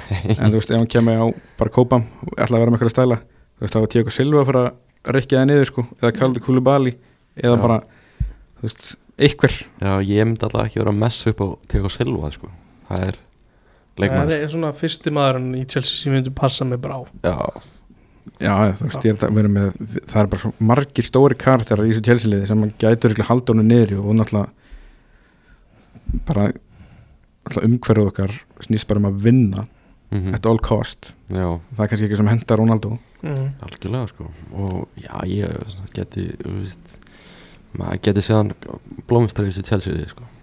sko, ég vil ekki sinni, sko, fara út í pælinguna um þess að krossa frá í stímsinni í Vá, boxi þegar maður, Ronaldo það- verður inni sko. Ekki, kannski betra en að fá krossa frá Aron Bambisaka og Luke Shaw Já, töluvert held ég já, en, en á móti kemur að þá náttúrulega myndi það limita spilatíma hjá Kai Havertz og mhm.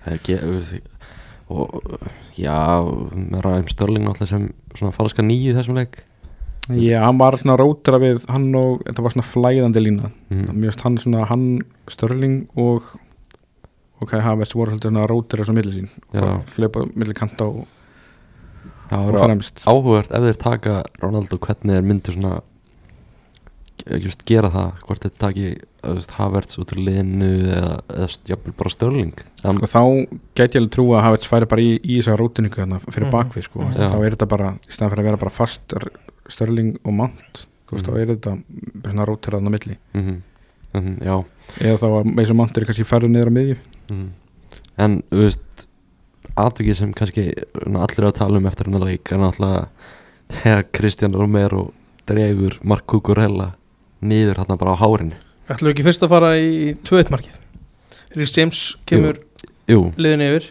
Chelsea jú, Hvað er ekki Kulusevski sem að þeir vinna boltana Kulusevski hann á vinstri í vagnum Jú. og færa hann bara hratt yfir og færa, James færa er í hann hratt á hérna, Ræm Störling sem keirir Já. á verðina og þeir eru hérna, hvað er ekki, tveir og þrjá eða, Já. eða þrýr og tvo eitthvað svo. Sangla 3-2 já hann finnur eh, bara hárn ákvæmi sendinga á, á Rhys James sem að neglir honum beint Alveg markið. beint, það er albeint vissi bara Lóris var að fara að gefa Mm. sig mm. aðra að hvora Þannig að áttina hann hafi ekki gefið hann svona augun Þú veist, hort í annað hotnið eða eitthvað eitthvað, en þú veist Já. þetta var yk- ykkur vilja mynda að vera lélega slútt en Rhys Fast James var vissi það maður, já. nákvæmlega hvað hann var að gera mm Akkurat þvílíku leikmaður Mhm.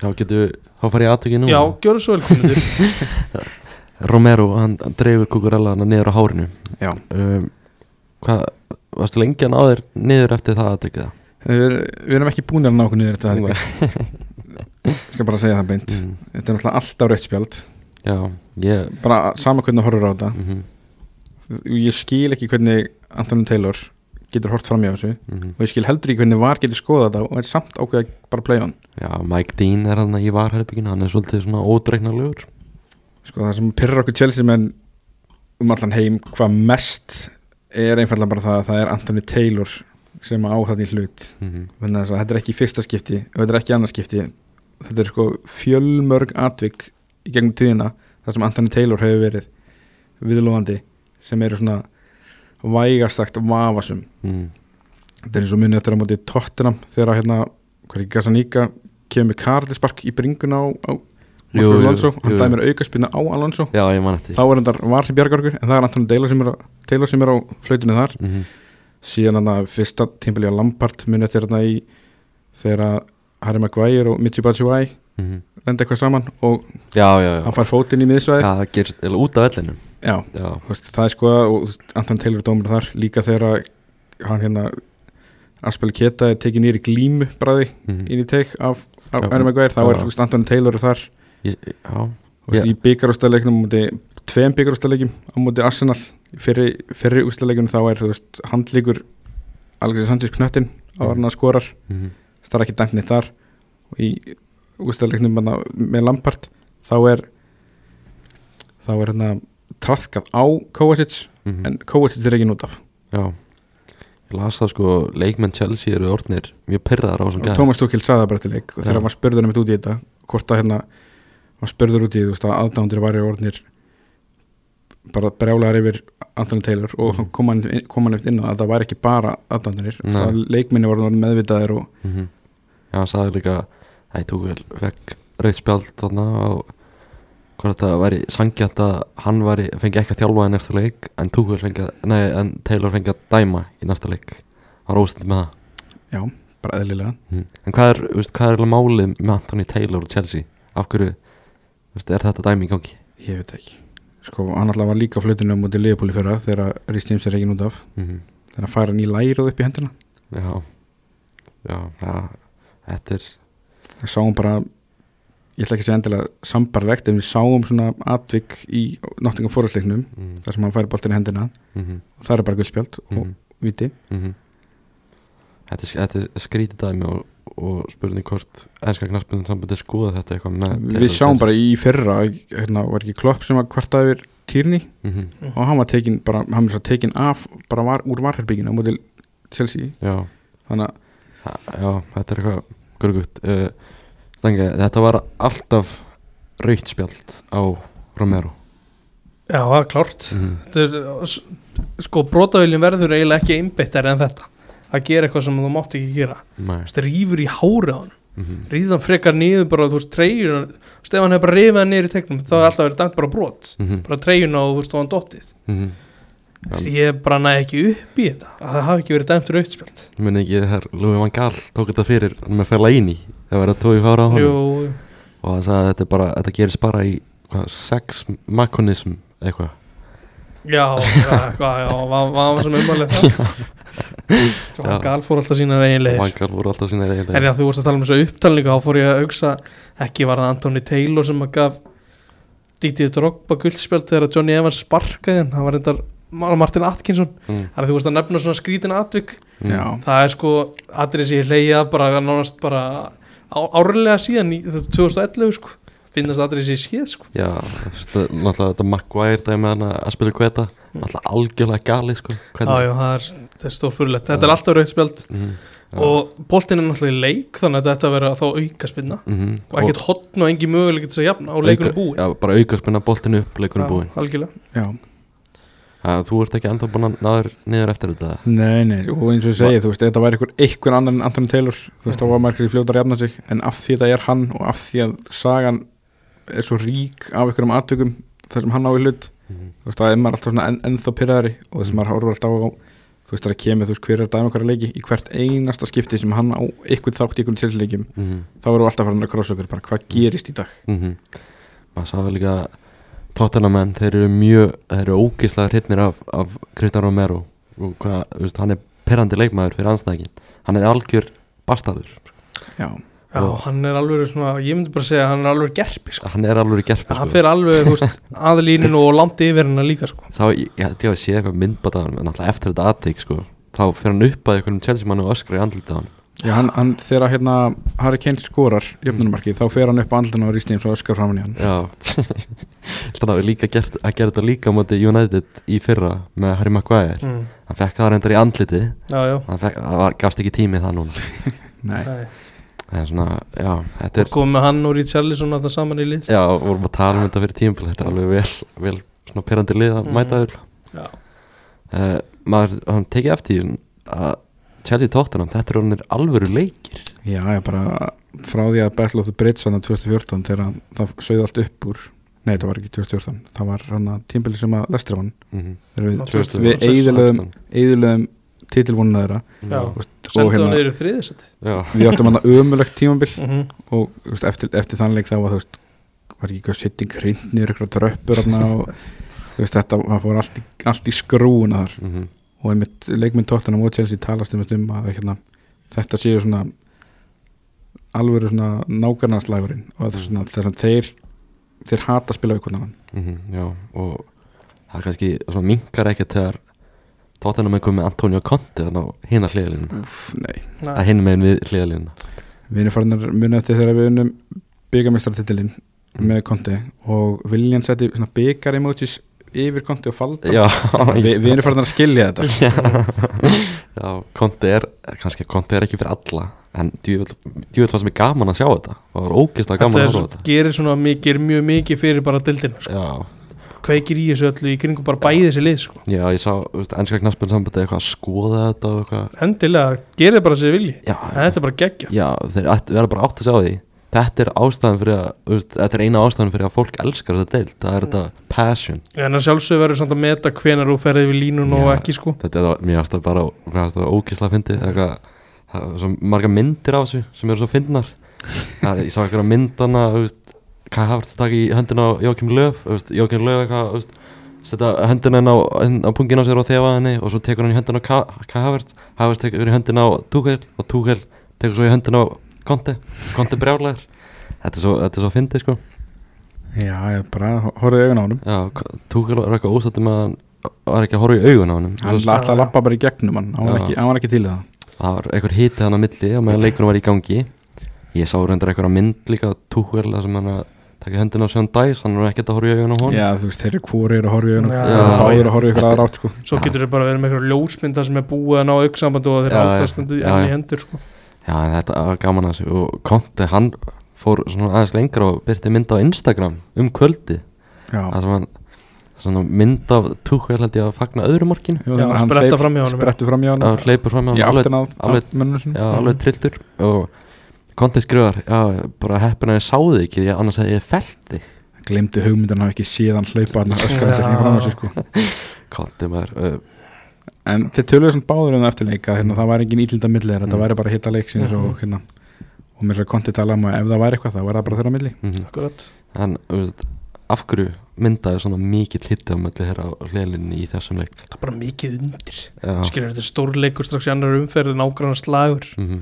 var ekki vinsalt þegar þeirra konti kemur síðan og fagnar inn í hérna, bóðvangi Nei, nei, þeirra einmitt. jöfnunamarkinu Það er bara búin að vera auðrónum skilur Já. Þetta er bara sko, fyrir Talum utan- við auðrónum, það kemur meira að því eftir sko, f- fyrir utan það náttúrulega tókil er búin að vera sko, trítil óður hann í 40 pluss sekundur yfir brotin á Kai Havertz Mhm.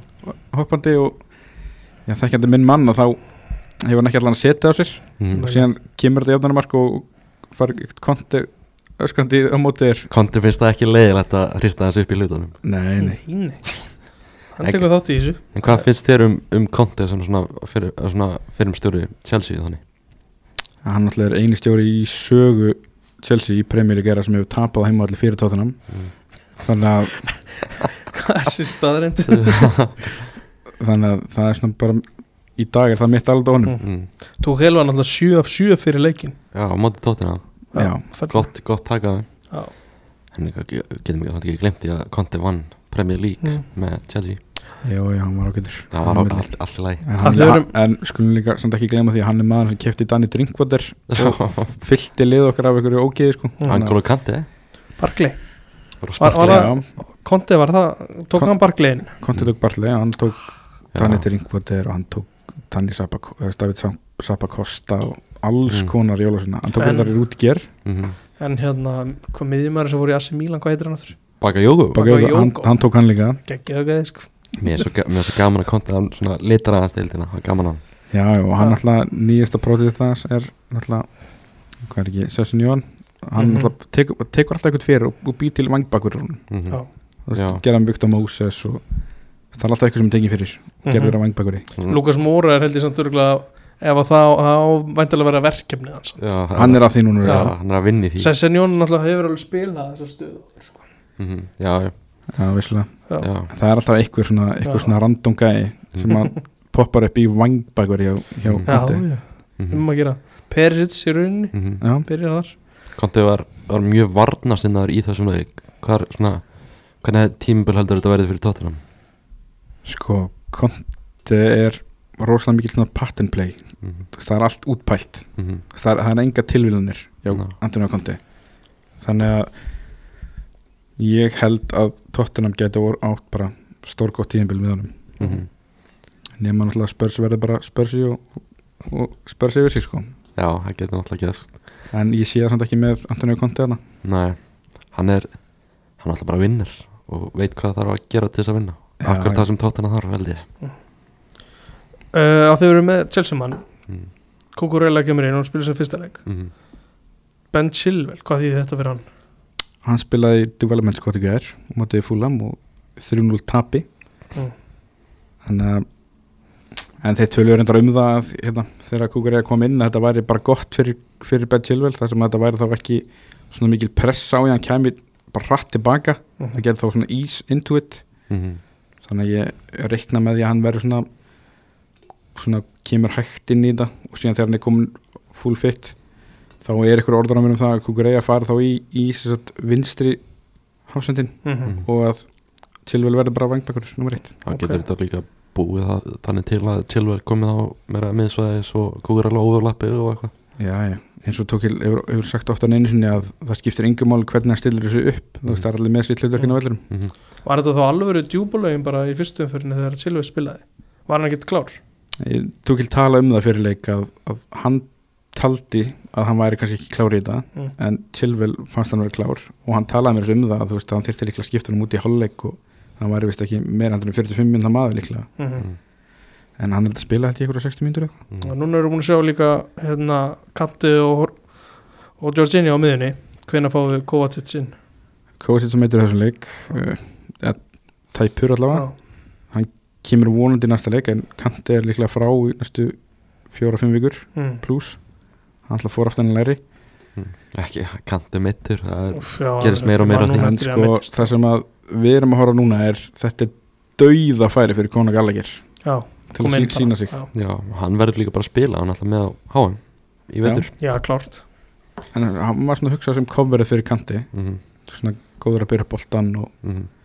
Hann Nei, þetta er dauða farið fyrir hann þrjusu góðu leikmaður og já, ég held að bara vonandi verið hann að hann gripi tækifæri vona það líka um, Lokum, leikurinn í gær Leopold Krista Pallas á mánudagskvöldi já, ég var að texta lýsa breiðablik ving hann og náður ekki að sjá hann að leik þannig að ég sá bara svona umræðan á Ég var Já, líka já. í stúkunni þar já, þannig að- ég, ná, svona aðeins að, ég var svona skipt á milli B- blika og vikings og, og þessum leik og og sá náttúrulega bara tölfræðan á svona Leopold bara með yfirbyrði í leiknum um, ég var nefn- maður er búin að sjá það maður er búin að Já. sjá svona einhverja einhverja glimpsir úr þessum leik og náttúrulega mörkin og síðan náttúrulega og hvað aðtök Já, Já, og Nat Phillips kemur alltaf hann inn í miðurinn hjá Liverpool út af meðslum Joel Matip meittur, Joe Gomez tæpur í Brahma Konenda meittur þá kemur Nat Phillips inn og hann lendir smá baslegan í fyrsta markinu með hraðan í Vilfrid Saha Ná- hátt upp á vellinum og það ráða bara ekki til hraðan í Saha hann skorar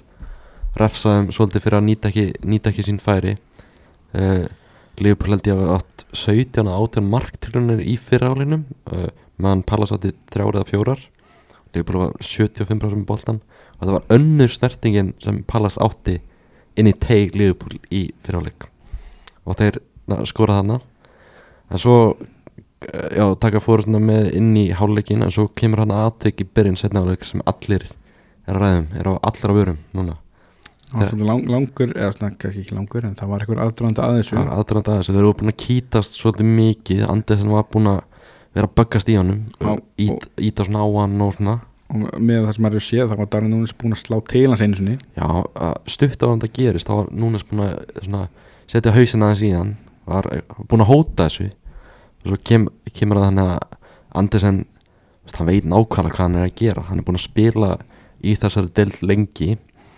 og þú veist, hann er bara reyndu meður og veit hvernig veit greinlega hvernig á að komast inn í hausin á, á sóknumennum og fer þannig ítir í bakið á Núnes svo, svo, svolítið harkalega og Núnes bara svarar bara missir hausinn og er bara heimskur setur og bara og skallar hann á fullum krafti já og, ja, og, fullum krafti hann- þú veist, nú, Andersen gerir svolítið mikið úr þessu já, eðlilega kannski Mm. já, þú veist, náttúrulega fiskar hann út á þannig Mhm. en já, þú veist ég held að sé ekki, nei, það er ekki hægt að afsaka þetta á neitt nátt Nei Stangi, hvað, hvað er svona þitt teika á þessu? bara ógeðslega heimskulegt Mm -hmm. hvað er hann að gera þú veist ég hafði búið að tala um eitthvað veið einhverja gildrur þetta er bara algjör domgrinda brestur Já, algjörlega Þú veist, hann bara missir gjössalega hausin hann og tala um hausin og notar, notar hann líka til förðulega hluta þannig að þetta er bara bara óafsakalegt, það Mhm. er það sem ég finnst um þetta Það kemur hann inn og skúrar og leggur upp í fyrstum verð En þetta er ekki bóðurlegt fyrir framhaldið að, að, þú veist, að skilja liðsfélaga sína svona eftir í skínu nei, hún er ekki, fenni ekki þryggjulega bannbeint Ég held Jú, að bara og potið fyrir mín og, og tjóta metir Mhm. Já. F- Klopp talaði um það eftir leik hann var að vonast til þess að Bobby Firmino myndi koma tilbaka á móti kallar hann Bobby fyrir mínu Uh, hans, við erum ekki í Leopoldstuðismenn sko. Klopp, Klopp sagði það sko, hann sagði Bobby hann heitir Roberto Firmino. Roberto Firmino, hann að ég, þú veist, ég var bara því að ég var svona að kvota beint sko ég er að stríða þér líka komið Já, takk fyrir það uh, Hann var að vonast til þess að, að Bobby myndi koma tilbaka uh, í næsta leik þannig að þú veist, það er eitthvað þar uh, en já, þetta er bara ófyrirgefanlegt í raun að skilja liðsfæðlega sinni svona eftir í skýtnum Milner talaði um það eftir leik að hann myndi læra á þessu mm. og hann myndi örugglega bara að gera það uh, já, við, það, við munum sjá hvort það munum læra þessu. það, það er búið að opna ykkur að ykkur, ykkur að, hvað maður að segja ormahólu þarna fyrir alla aðra hásenda í dildinni Akkurat. Já, þetta er bara svo þekkt atriði að auðvitað þú ert með stuttan þrá þá er bara að vera að bögga þig allan leikin sko. mm, eða við, bögga þig, það er bara að vera að þú veist, koma, reyna að komast undir skinnaði sko. við höfum nú séð þetta áður frá landa hans Núnes, Luis já, Suárez já, þú veist, bara og naggast í einhverjum sem að lætur, þú veist, býtur agnið þá bara gerist það sko. Mhm.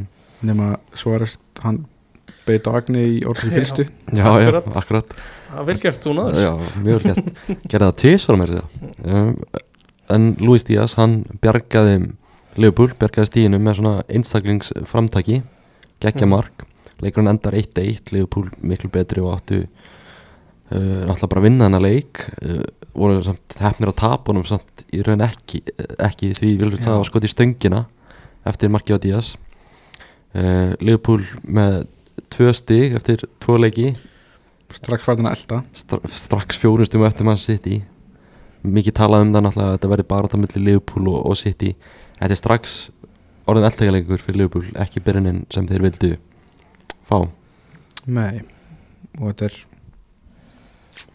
ég veit eiginlega ekki hvað maður á á að segja um, um, um þess að byrjun til Leopold alltaf, ef, ef að United var ekki í eins miklu skýt og þeir eru, mm -hmm. þá var svona allir að tala um Leopoldið núna mhm.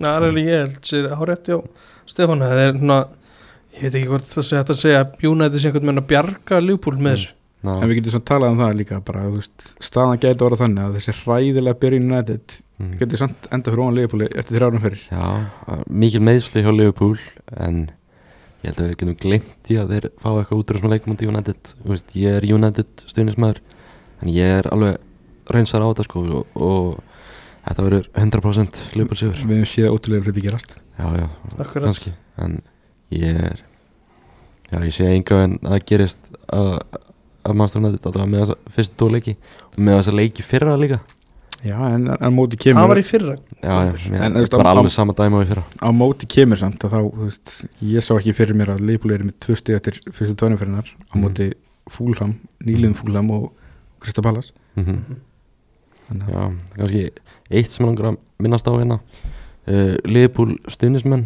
eh, með ekki verið svona litlir í sér eftir tvo leiki Þú veist, það eru bara teilegi búnir, smá skita en bara áfram gakk, kassan út ekki, ekki fara strax inn í skellan sko. já, takk ég þetta til ykkar já, Guðmundur er Já. að skilabóð ekki vera svona litlir í sér, þetta kemur allt Já, já, þú veist Ég veit ekki, menn, þetta kemur allt hjá Leopold þeir- Þeir verða, þeir verða þarna uppi í vetur Það er Mm. Já. alveg klart mál ég hef engar á að gera liðbúr sko ég held að þeir verði alltaf þú veist, í einhverju baróttu sko og þú veist, þeir eru smá meðslagandraðum núna en já eins og ég segi þetta þetta kemur allt hjá þeim held ég Eh, kannski eitt annað sem ég langar að minnast á Jókim Andersen sko þessar hótanir og þetta sem hann er búin að fá í dag mm fyrir maður þess að slaka á Já, þetta er náttúrulega, það bara segir sér sjálf þetta er náttúrulega alls ekki í lægi Nei. og þú veist, ég þú veist, ég er svona hálflægjandi eitthvað, hvað, þú veist, hvernig fólki dettur þetta í hug, sko, Mm -hmm.